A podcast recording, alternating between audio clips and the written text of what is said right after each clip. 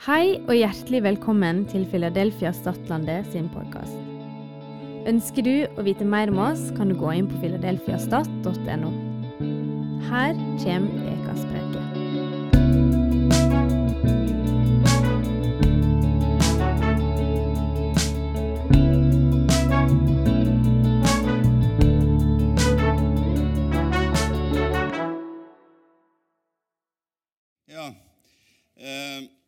Daniel snakket sist eh, om eh, Han la seg fra Salme 46.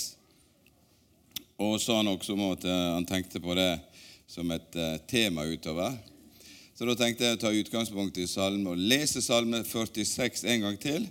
Og så skal jeg ta eh, eh, noen andre vers som utgangspunkt i eh, det som vi skal si. Så jeg tror jeg bare leser Salme 46 først. Gud er vår tilflukt og vår styrke, ei hjelp i nød og alltid nær.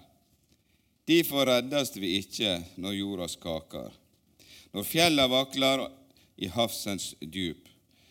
Vatnet buldrer og bruser, fjella skjelv når havet reiser seg. Det finst ei elv med bekker som gleder Guds by, den mest hellige bostaden til den høgste. Gud er midt i den byen. Han han kan ikke vakle. For en som er usikker på nynorsk, eh, vakle betyr han, kan, eh, han står fast, for å si det sånn.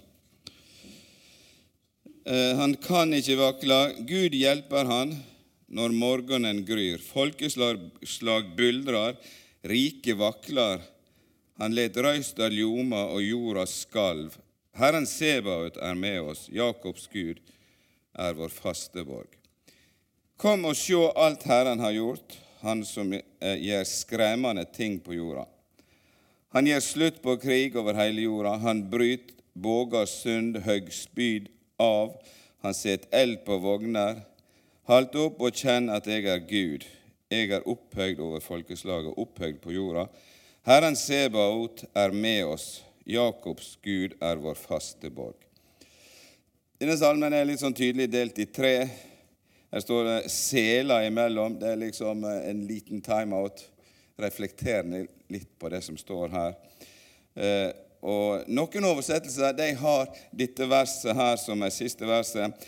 Herren Sebaot er med oss, Jakobs Gud er vår faste borg. Det det er refrenget. I min bibel er det sagt to ganger. I andre bibler så er det referert imellom alle av disse tre delene. Refrenget Herren Sebaot er med oss. Så jeg tenkte jeg skulle eh, ha altså, eh, Headingen for preika i dag er Herren Sebaot. Det er jo et sånt, eh, det er jo ikke mye kanonspråk, tenkte jeg. Herren Sebaot er sikkert noe så alle vet hva er for noe. Eh, sannsynligvis ikke. Men Herren Sebaot er herskarenes Gud. Gud er, Gud er også en general. I Efeserbrevet er det ni forskjellige bilder på hva menighet er. Og det siste bildet det er at menighet vet du hva det er? Det er en armé. Har, vi har generaler, vi har oberster, vi har løytnanter. Det fins et system. Det er en samling, en flokk, som ikke det er ikke bare sånn framanmarsj i alle retninger, men det er et system, det er en orden, det er et disiplin. Tenk at Gud har skrevet Det nye testamentet. Men det er også menighet. Men esker skal du i en armé, sant? du, tar ikke fireåringer i en armé. Så mest, mye av Guds, og Du tar ikke de eldste pensjonistene, kanskje, men jeg tror i Guds armé så er, er ikke noe oppover. Du trenger ikke å ha oksygenopptak på, på 44, 94 for å være med i Guds armé. Det kan du gjøre fra sjukesenga. det. Du er med og slåss. Men eh, de, de yngste, nyfrelste, liksom det det tar ikke vi med i krigen. Så det er sånn eh, Det er ikke ofte vi har ei preike. Dette kan bli litt sånn krigsretorikk. Men da må vi tenke det, det som jeg sier nå, med, med Efeserbrevet 6. Vi har ikke kamp mot kjøtt og blod, men mot makter og myndigheter. Og så har vi det i bakhodet eh, at eh, vi, skal ikke ruste oss ut. Det er ikke noe sånn hele krig-greier som muslimene roper. Det er ikke det vi holder på med. Men eh, her, er bildet. Her er noe med sannhet som ligger i disse her Og jeg tenker i vår tid altså, Hver gang jeg slår på Dagsrevyen, så, så kjenner jeg at pulsen stiger. Det er nesten så Er det liksom liksom, Det med krig vokser liksom. Er, er det, tar Kina liksom Taiwan nå? Er det, er det full liksom jeg kjenner, det, jeg kjenner det på kroppen. Det, det er en alvorlig tid vi lever i. Og det er krig, det er rykter om krig. Det er pest og mulighet for nye pester. Eh, det er sårbare samfunn. Eh, alt, det har jo aldri vært så sårbart, både i teknologi og alt mulig. Hvis ting krekker nå, så er vi tilbake i steinalderen på veldig fort. Eh, sånn at det, det er liksom bildet her, og det er en sånn fantastisk skildring til å begynne også, at Gud er vår tilflukt og vår styrke, er hjelp i nød og alltid nær. Jeg, jeg tenker det kan brenne inn i meg og deg. Han er alltid nær, uansett hva jeg føler og hva tid vi lever i. Om jorda skaker og fjellene vakler. Jeg vil bare nevne disse kora. Her står det kora sangerne har skrevet disse her. Det, var, det var ei slekt i levittene som het Kora. Og De hadde i oppgave, de var dørvaktere, de var ja, allting som var i bakere, og så var det, eh, var de sangere i, i møteteltet og i tempelet. Og, De hadde en tjeneste med dette. her. De gjorde opprør mot, mot Moses. Vi ser i andre Mosebok. Og de, de, de, ville liksom også være prester. De ville ta seg til rette i Guds hus. Og, og, og da, da, da, gjorde Gud noe som er heftig, som viser at uh, Gud har ikke gått på lærerskoleseminar og pedagogiske høgskoler som er nå. Gud er hinsides det. Jeg skal referere litt til eh, eh, Det kristne skolelaget har gjort en undersøkelse. Det var i, i 2019 og 2023. Og det ser ut som og En greie med det det var at over 50% av alle elevene opplever at lærere, dosenter, professorer snakker ned, latterligere kristne og den kristne trua. Og når, eh, når professorene gjør det, og de setter kulturen på utdannelsesinstitusjonene våre, så gjør studentene et hakk høyere. Så det er den tida vi lever i. Og Det er veldig tydelig at vår tids prester det er professorene, vår tids kirke og de dyrker nasegrus kunnskapens tre og sin egen fortreffelighet i en grenseløs arroganse. Så det er bakgrunnen. Men altså disse koras barn de gjorde opprør. Og vet du, Gud tok det så alvorlig. Han sa nå går alle vekk fra teltet etter det som gjort. 250 gjorde opprør. Still dere godt til sides her nå.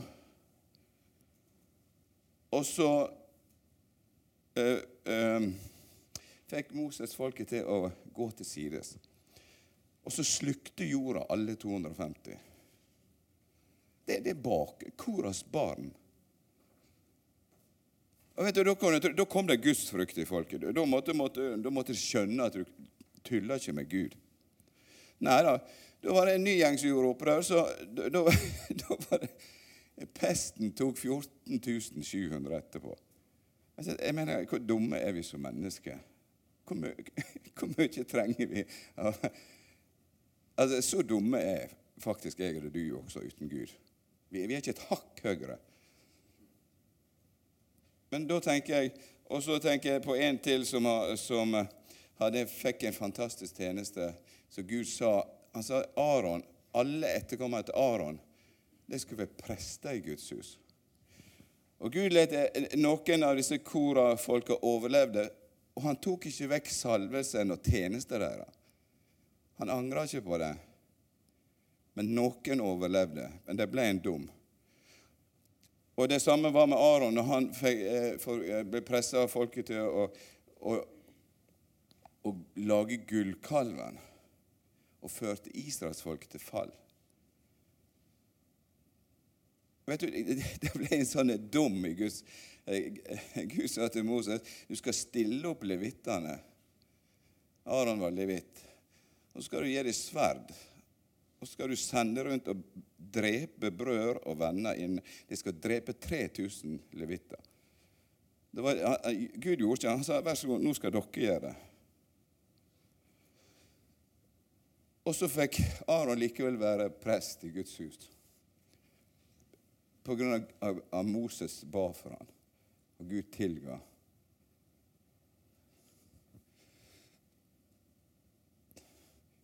Det, det er en heftig greie at mennesker som er så svake og så eh, håpløse, på en måte da. At Gud ikke angrer på det. Men vet du, Det som jeg tenker, det som er sånn eh, eh, Hva skal jeg si Uttrykk for Guds nåde i det, det er at jeg tror, jeg tror Aron aldri glemte hvor han kom ifra. Jeg tror at etterkommere etter eh, Aron, hver eneste prest fram til i dag, de vet hva de kommer ifra. De kommer fra et grenseløst fall.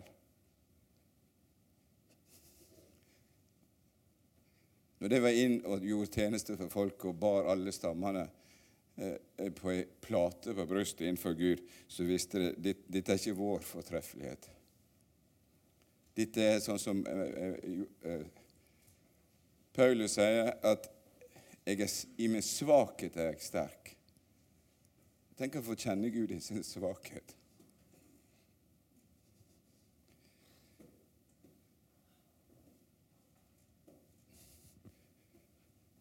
Så Jeg tror det er ti-tolv salmer som kor, Koras barn skrev her på Davids tid, eller før det.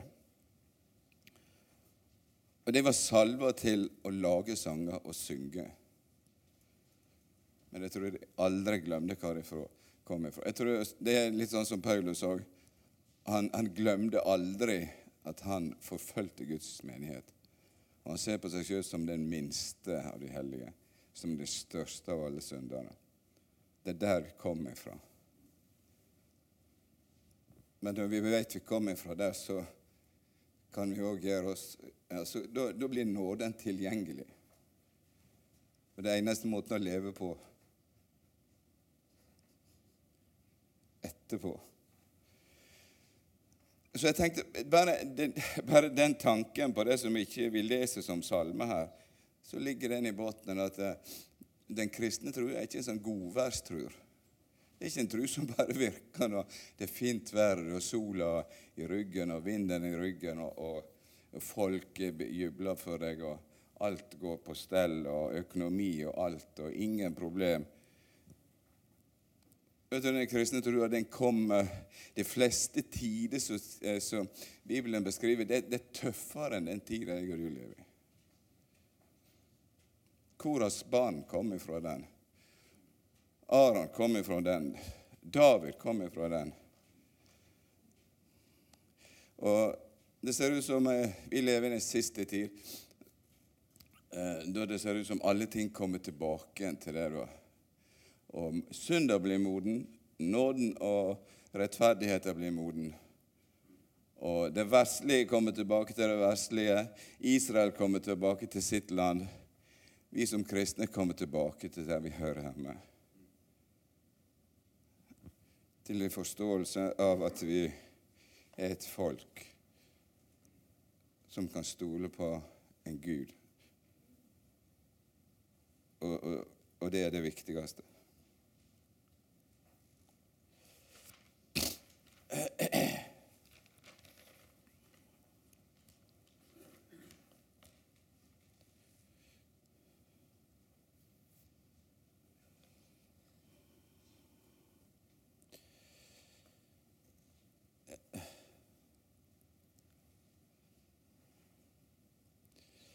Og så ser vi hele Bibelen, hele Gamle Testamentet, hele Bibelen forteller veldig greit at eh, alle ting tjener til gode for de som elsker Gud.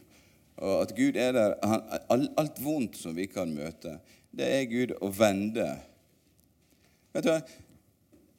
når israelsfolket var i hungersnød og måtte fare til Egypt, så var det en håndfull mennesker. Det, det var kanskje noen hundre. Etter de har vært, eh, hatt det godt en stund, og etter de ble også blitt slaver, og eh, de prøvde å drepe alle guttebarn for at de så at eh, israelsfolket bare vokste. så var de to millioner når Gud tok dem ut. Så til og med det, det, som på en måte var vondt, det gjorde Gud til noe godt. Og Egypterne dunga dem ned med gaver når de får. Fantastisk at dere bare forsvinner ut fra her så lenge det, Vi er heldige som kommer så, eh, så billige fra det som vi er, har gjort. Og nesten litt av det samme også når Gud straffa og førte folket til Babylon. Så midt i Guds straff, midt etter, fordi at Gud er trufast han, han, han, er ikke, han, er, han er ikke en vanlig sosialdemokratisk pedagog. Han er hinsides. Gud er så stor og så mektig eh, at det sprenger alt som vi har av forestilling om hvor stor han er.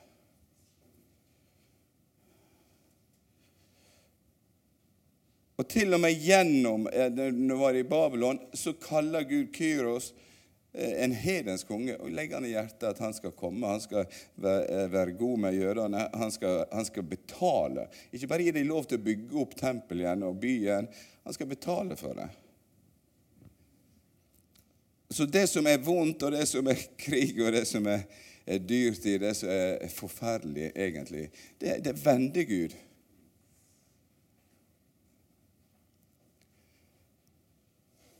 Og en bærekraftig tro den, den, er nødt til å ta med dette her at eh, Gud tar oss gjennom. Han tar ikke oss alltid utenom.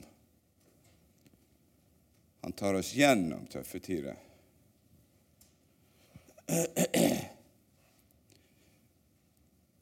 Og det er liksom alltid eh, Alle disse trosheltene i Bibelen, fra Abraham og utover, det, det viser feilende mennesker som Gud tar igjennom. For det, det fins for Gud er Herren Sebaot, herskarenes Gud. Han er Jakobs Gud. Han er Gud med oss. Og han, han tar, Det fins ingen hærer, det fins ingen rike, det fins ingen autoriteter på jord som egentlig skulle skremme vettet av meg og deg. Når vi våkner om morgenen, om, om, vi ser det er verdenskrig, om vi ser at ting virkelig, virkelig går skeis, så, så, skal du bare vite at det, det har gått virkelig skeis før. Det er gått så skeis at Gud sendte syndeflod. Det var åtte som overlevde. Så skeis har det gått før. Så vi lever i en tid nesten, eh, Vi kan ikke si postkristen tid. For det, det er masse kristne. Jeg tror det skal virkelig vokse. oss. Vi skal ha vekkelser som vi ikke har sett før. Men det som, det som preger landet, er nesten sånn postkristen tenking. Og det kan, det kan, på en måte ha en sånn eh, impact i vårt liv at vi, vi blir redd, vi blir forvirra. Vi, vi, må liksom grave oss ned. Men det er ikke den kristne trua egentlig. Og det er ikke salmen her heller. Og i, i Daniel eh, det står det 'Den som kjenner sin Gud, står fast'. Og det som er greia for meg og deg, det er å bli kjent med hvem Gud er. For når vi forstår hvor, For enten er denne verden enten er djevelen stor og skremmer livet av oss, eller så ser vi oi sann, Gud er mye større. Eh, han, eh, han eh, Det viktigste er å være på linje og på lag med den som er størst, og den som er sterkeste. Jeg skal si litt om eh, en sånn undersøkelse som skolelaget har gjort. Og dette her er jo sånn 21-24-åringer. Jeg tenkte for dere spesielt som er under 20 år. Altså Den generasjonen som vokser opp nå, den, den har jeg virkelig tro på. Vi ser forandringer fra 2019 til 2023. Jeg ser at det er, det er en ungdoms, en gjeng som våkner. Du ser, du ser statistisk forandringer. Eh, Felix konklusjonen på at uh, i 19, det var at uh, de fleste studenter var skapkristne. 90% var skapkristne. De, de, de sto for det hvis det blir spår om det. Men der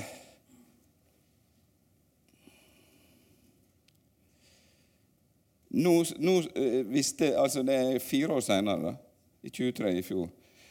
Nå snakker 38% av studenter, kristne studenter som sier de er kristne. Og vet du, er Over 90% av dem går i menigheter. Mellom to timer i veka så er de i menigheter. De fleste av de ungdommene, studenter nå, de, de, de bruker tid i menighetssammenheng åtte-ti timer i veka. De er engasjert i smågrupper. De og det viser at, at gutter faktisk er mer enn jenter. Det, det, det, det, er spesielt. 38 er aktive og stadig vekk i, i, i samtalen om tru med andre studenter og mennesker. Og de tar initiativ. Altså nesten 40%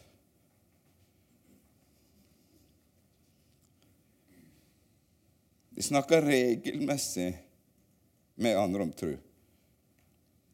85% sier de savner slike samtaler. De har det av og til, men de, de ønsker mer av det. 97 av disse her Det er ca. 1000 stykker som er intervjua. Og 26% er pinsevenner, så har du det. Og 40% er sånne NLM og det som jeg kaller indremisjons- eller Sånn.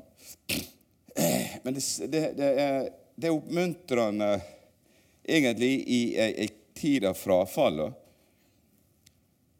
Nå ellers fikser Fykse, han, han preses, biskopen, var jo Vigdis som leste på et bønnemøte. Han hadde svært sånne eh, i avisa. Det var liksom to greier som var veldig tydelige for han. Du kan ikke bruke Bibelen når det gjelder eh, å begrunne moral og etikk. Vi må legge vekk Bibelen på det. Og så kan vi bruke Bibelen når det gjelder å forstå Israel-situasjonen der. Så indirekte det profetiske ordet tar du vekk. Det Bibelen sier om eh, livsførsel og sånn, det, det bare hiver vi ut. Og, og, det er ledere i kirka. Men de, denne, disse ungdommene som, som, er her, de har mye større Det viktigste for de kristne det er stort sett det er personlige erfaringer, og så er det at de leser Bibelen. Og 97 sier at kristendommen er ikke privatsak. Omtrent alle forstår det. Den kristne trua er ikke privatsak som du har hjemme og koser deg med. Det, det, er ikke sånn vi kan lese Bibelen. Det har aldri vært det. I Daniels bok, i en tid av frafall, i et så heftig Eh, demonisk styre som var der. Du skulle tilbe ei statue, eller så ble du kasta i en ovn. Der uansett så åpna Daniel vinduet, og så ba han til Gud offentlig. Og det rysta hele Babylon. Nebukadneser fikk skrive et kapittel i Bibelen. Som til slutt brøt så heftig i hop han fikk skrive et kapittel i Daniels bok og han bekjente himmelens Gud, Javé, som det eneste Gud. Men så er det fire hinder. Det er fire ting som hindrer eh, studenter for å på en måte være mer frimodige. Da, setter opp. Det med at De tror ikke at andre er interessert i å høre. Det, det sniker seg inn i greier. Vet du, Når du går i et sånn fiendtlig miljø, da, i, i studentmiljøet, der de, de fleste latterliggjør dette, så tenker du at dette, vil, dette er best å være litt forsiktig med. da. Og det andre er at en vet ikke helt hva en skal, skal, si, og er liksom flink nok hvis en kommer inn i en samtale. Ender med å liksom uh, tape hele samtalen og, og, gjøre liksom ting verre for en. Og det tredje er at uh, en er redd for å bli assosiert med ekstreme holdninger. Og det fjerde at en er redd for å støte noen. Det er en sånn woke-kultur. Du må ikke tråkke noen på tærne. Du kan ikke si noe om etikk uten å tråkke noen på tærne. Det må vi forstå. Men det går faktisk an å elske mennesker og likevel ha, ha en forståelse hva som er rett og galt. Men det er en totalitær woke-kultur som bare valser og kjører over uten noe tanke på toleranse eller noe som helst. Hvis du står imot dette her, hvis du, hvis du ikke er snill nå og ikke sier noe som støter noen som helst, uansett hvor pervers ting er Så dette her er sånn hinder. Men vet du, så, så, så hadde de spørsmål de spurte veldig mange av de som studenter som skrev, skrev at de ikke trodde på Gud. Og det spurte de Hva um, Er du interessert i å ha trossamtale? Kanskje Jeg blir så tårøy. Er du interessert i at noen kommer og snakker med deg om, om tru?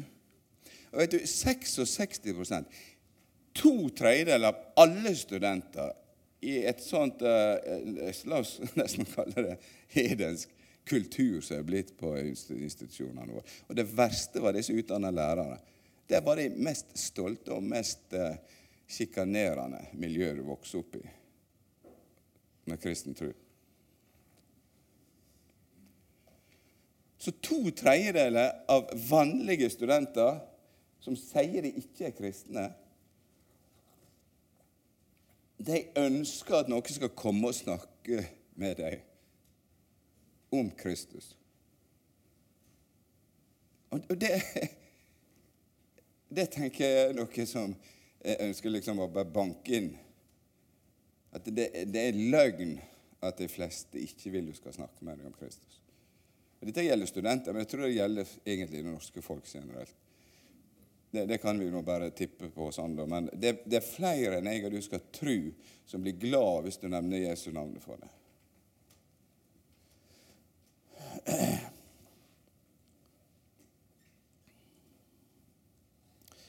Så tenkte jeg jeg vil slutte med eh, å eh, ta noe veldig kort om David og Goliat. Det, det, og det er jo der det er liksom en krigsretorikk. da. Men eh, vet du, David, det betyr 'elska'. Goliat betyr en som er landflyktig. Han var fra Gat, der Gaza er nå. Og i denne dalen Eliat, som går på øst-vest, der har filisterne legra seg på ene sida i nord. Jeg husker ikke hva som var nord og sør, men i hvert fall på, ene, på hi sida der var, var israelittene. Og i 40 dager Vi har 40 dager fastetid nå i kirkelig sammenheng. I 40 dager sto denne svære bamsen oppå. De tenkte vi kunne gjøre. Av og til fant de en sånn ordning at vi tar heller og sender de to sværeste soldatene vi har. La de slåss og drepe hverandre. Så slipper eh, liksom 10 000 å bli drept. Det er, jo, eh, det er jo smart krigsstrategi, spesielt når du har en, en sånn Goliat. Det er jo omtrent som å ha Klæbo i sprint. Bare kom an, Vi avgjør hva som er best for Norge og Sverige. Bare Vi kjører en sprint. Vi ville vært veldig bekvemme med det. Men eh, så Goliat står fram og håner Israel, håner Israels Gud. Og så kommer David. Han har fått beskjed om å komme med mat til brødrene sine. Og eh, David betyr å være elska. David var også da salva. Samuel har salva han til konge, for eh, Gud hadde forkasta altså, Saul levde på overtid.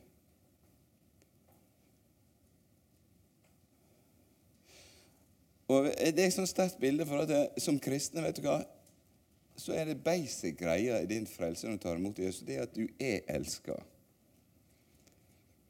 Du elsker så grenseløst at det koster Jesus livet for din frelse. For han ønsker så desperat å ha en evighet sammen med deg og meg. Så Du er så høyt elska som det går an å forestille seg. Og vi forstår bare bitte lite av hvor høyt elska vi er. Men det poenget er at også du er salva. Du har en unik salvelse. Tatt imot Jesus, så er du elska, og du er salva. Og da, David han begynner å bruke salvelsen. Han begynner å bruke trua si. Når utfordringene kom, når han var gjetergud, så var det laveste du kunne være. Så, så tenkte han la oss prøve denne salvelsen. Han, han, han begynner å skjønne at han kunne skremme vekk eh, dyr. Jeg vet ikke om han begynner med rever, men eh, i hvert fall det han snakker om løve og bjørn. Jeg tror det er heftig. altså. Men du, når, når, du veit du elsker salva, så gjør det noe med hvem du er. Du, du Han hadde sitt ansvarsområde. Han tenkte eh, jeg har en mulighet nå. Det er å bli flink med slynger. Og da jeg vokste opp, så lagde vi jo våpen. Jeg, lagde jo til og med selv sånne pilgevær. Jeg syntes pil og båge og pilgevær det var fantastisk. Jeg, jeg, det var Roar som lærte meg å lage slynger. Han var der, og Daniel var med for mange år siden. Så jeg lagde slynger og sto heiv med dem. Det er kraftige greier. Og vet du, De steinene nedi der har jeg hørt at de er dobbelt så tunge som vanlige steiner. det som han fant i elvene. Det er, det er kanskje noe lignende olivin. Det er nesten på grensa å nærme seg jern. Da får du mindre steiner, du får du høyere hastighet. Og når du øver med disse der på disse steinene, runde steinene i elva De sier at du kan, du kan kaste med 150 km i timen. Du, du, du kan treffe på 50 meters hold dødelig. De kan treffe, de kan treffe sånne blinker som dette her på mange, mange timeters hold. Han sto liksom og hadde god tid innimellom da, og øvde på denne her og tenkte dette her Gud har gitt meg dette her. Jeg skal gjøre det best mulig. Og det, det som jeg tenker, Når du vet du elsker oss salver, så skal du tenke, og jeg tenker litt det samme. Der Gud har gitt meg ansvar, der skal jeg bruke salvelsen. Jeg skal vokse fra å ta røver og uh, jerver og gaupe og disse greiene oppover til løve og bjørn. For hva du gjør, Da forbereder du deg på det som kommer. Og Spesielt når du er unge. For David var, han var en tenåring. Han, han sier han var 15-17 år. Og han hadde, han hadde øvd tusenvis av timer på denne slynga. Og så kommer han og gir dem mat, og så hører han eh, hva de får. kommer han fram, eh, Goliat, og, og brummer, og så hva, spør han hva får de? Han er opptatt av lønn. Han skjønner også det. Han er jo ærlig. Han er jo bånn ærlig og en tenåring. Klart du er opptatt av lønn. Du er opptatt av hvor mye penger du får. Du vil bli YouTuber og fotballspiller for at du får masse lønn. Så det, det er ikke feil, det. Bare vær ærlig med det. Gjør det som lønner seg.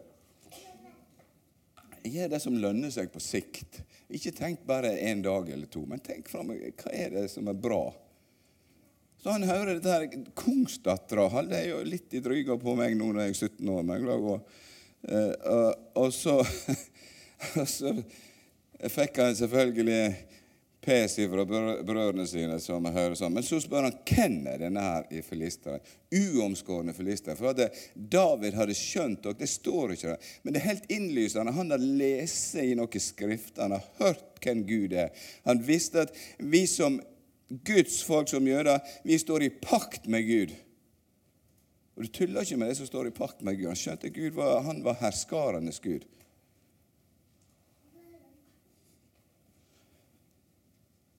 Så han, han, har lært seg bare å være modig og djerv når utfordringa kom. Og han, han, har, han har drept løva. Han har drept bjørn. Så når han så eh, denne her eh, denne svære mannen Noen sier eh, Goliat var 2,5 meter, noen sier over 3 meter, noen sier 2,90. Jeg vet ikke, var ikke der de målte han. Men det var i hvert fall så heftig at det skulle være normalt skremt vann av både meg og deg. For at bare sverdet hans var jo nok til du måtte bruke begge hendene for å Og det står noen vekter på dette der som gjør at jeg har ikke greit å heve sverdet meg over gulvet her. Så det var svære greier. Vet du, Djevelen kommer imot oss alltid med store greier. Det ser så heftig ut. Det er så mye større enn meg. Men vet du hva? David han så at han, han var uomskåren. Han sto ikke i pakt med Gud. Han står der for, eh, av sin egen stolthet og skryter hvor stor han er. Jeg visste at eh, Håmo står for fall. Han visste at Gud Det var det vi leste i Salme 46, at Gud er med oss. Herren Sabaot, Herren Sabaot er med oss. Emanuel. Gud er med oss. David har lært å ta det personlig, og jeg og du skal ta det veldig personlig. Det vil si, Gud er med deg. Og mestrer jeg med deg, så mestrer jeg med Gud. Jesus, når, når, Paulus møtte Jesus på vei til Damaskus, sier Jesus, 'Hvorfor forfølger du meg?'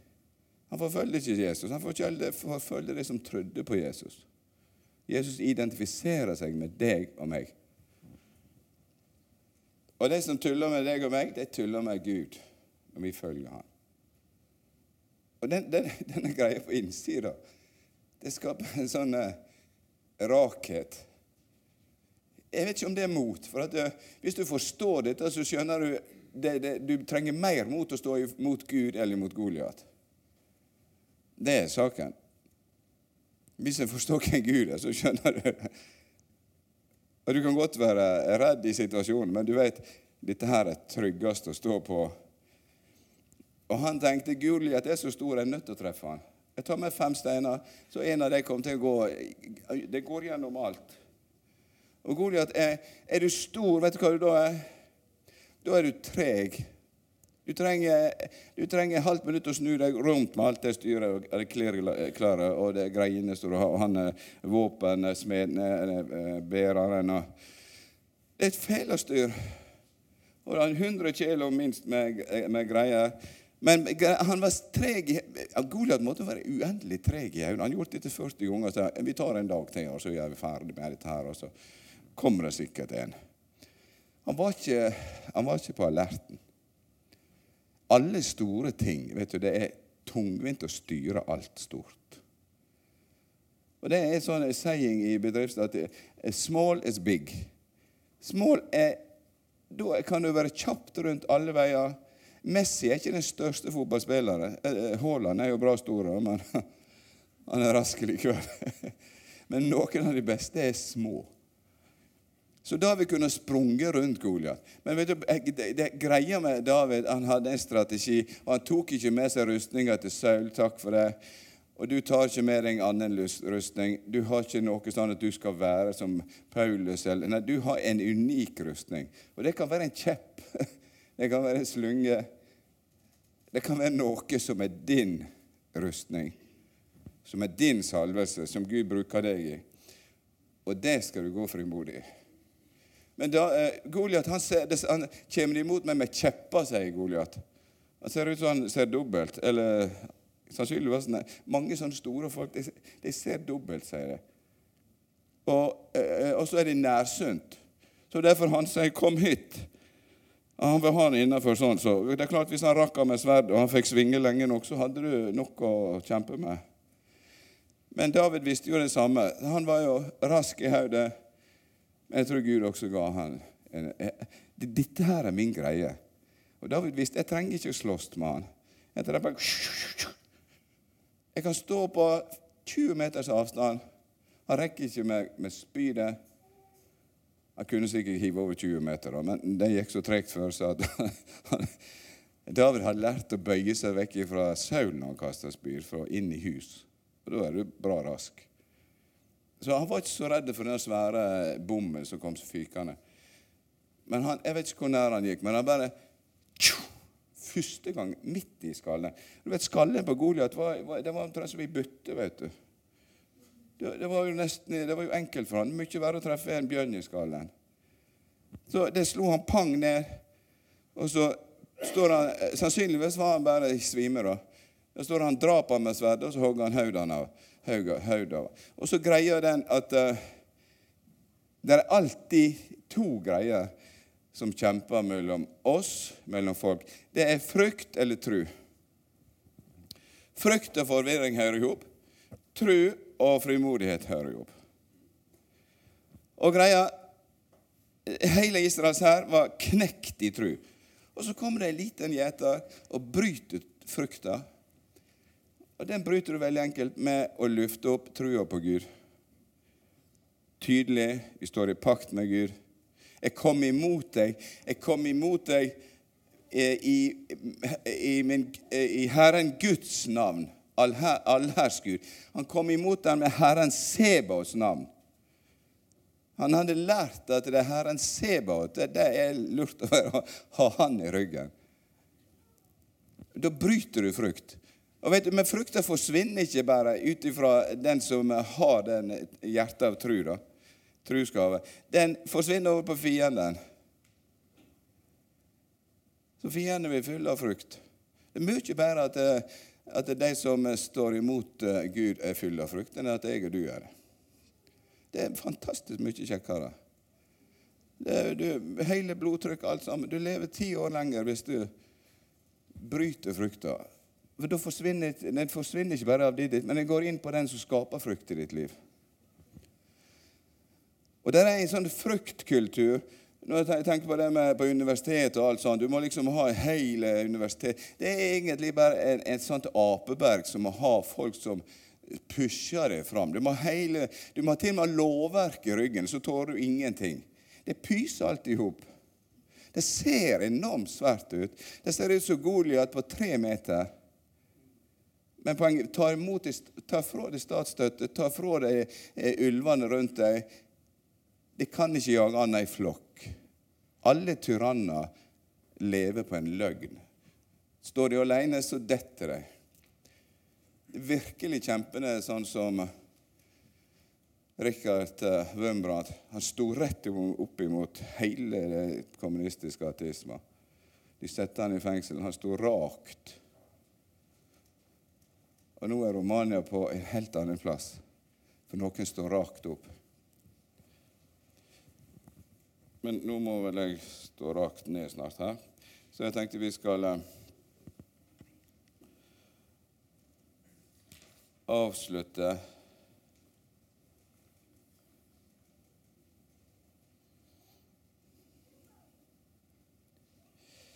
med en par enkle tanker. Vet du hva? Løve, bjørn og Goliat og kjempe som kom imot deg De tar deg inn i det Gud har kaller deg til. Vet du hva? Goliat og løve og bjørn det er det er dører som Gud åpner for. Bare gå inn og ta det. Det krever bare et steg eller to i tru. Det krever en porsjon modighet. Det krever er at du, du, kjenner, du kjenner hva, hvem du er.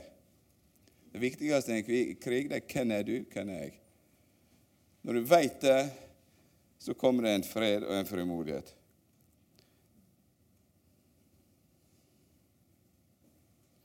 og du kan gå i, den, i det Gud har gitt deg, så sterk som du er. Og eh, Dette her er et fantastisk bilde på Kristus. Som, det står at eh, kvinnens sæd skal knuse slangens haud. Og, og, egentlig var David er jo en profet. Veldig mye av det David sa og gjorde, det har en profetisk dobbeltbåt. Og egentlig det David gjorde her også, når han knuser Goliats haud det er et bilde på Messias. Vet du, Han har knust han. Han, han har stilt en åpen lyst. Altså, han, han er skada for livet. Den vonde skada, hvis du sier Goliat er bildet på den vonde. På det som står imot Gud.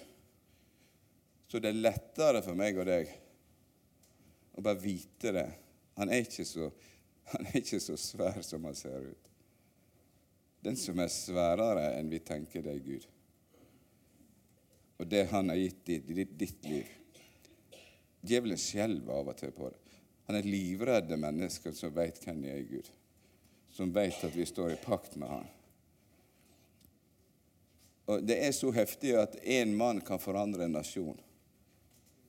Altså Hans Nilsen Hauge, vi kan nevne. Altså, De står rakt inn for disse goliatene hvis jeg sier det er bildet, da. Står vi rakt opp i tru, så er det ingenting som rokker det.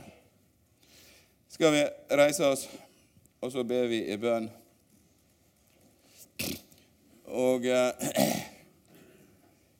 jeg tenker Nå ser jeg at eh, noen av disse her tenåringene er litt i jobb, men eh, Jeg har lyst, Kunne ikke vi be for disse tenåringene våre? At de får ha noe av Davids frimodighet. Hvis vi sier Kanskje det kommer opp det som er tentro og litt yngre og litt eldre. Og så, så bare velsigner vi deg til å være ungdommer. Bare komme opp det som Vi skal ikke tvinge noen. Men hvis du kjenner også at eh, du ønsker at vi skal be for deg for å være Så du kan være med og, og, eh, og bryte frykt og forvirring og være med å stå i tru. Skal vi bare velsigne deg. Fader, takk for disse ungdommene, Fader. Takk for du bare gir deg kraft, Fader, frimodighet og mot. Takk for at frimodighet har stor lønn, Fader. Og takk for at du bare gir deg kraft. Som dagen er, så skal styrken være, Fader. Takk for det er høyt elsker, høyere enn de forstår. Vi bruker en evighet til å forstå litt av det, Fader. Og takk for det salver hver enkelt med en unik salvelse, Fader. Takk for at du har gitt dem nøkler. Og takk for når de møter motstand, når de møter løve og bjørn, og kanskje snart Goliat er sitt liv, Fader, så fins det noe som reiser seg på innsida av tru på Herren Sebaot, som vi står i pakt med. Trua på forsoninga i Kristus, trua på evangeliet, trua på Guds rike, Fader. Takk for at du gir deg kraft til å stå rakt, og takk for at jeg skal være med og forandre, Fader. Og takk for at du gir deg frimodighet til å snakke om tru med sine kamerater og de de møter, Fader. Jeg takker for det. Amen. Takk for at du hørte på. Har du spørsmål eller ønsker å koble deg på kirka, ta kontakt på mail eller gjennom vår nettside. Håper du vil høre på neste uke også, eller at vi sees på gudstjenesten.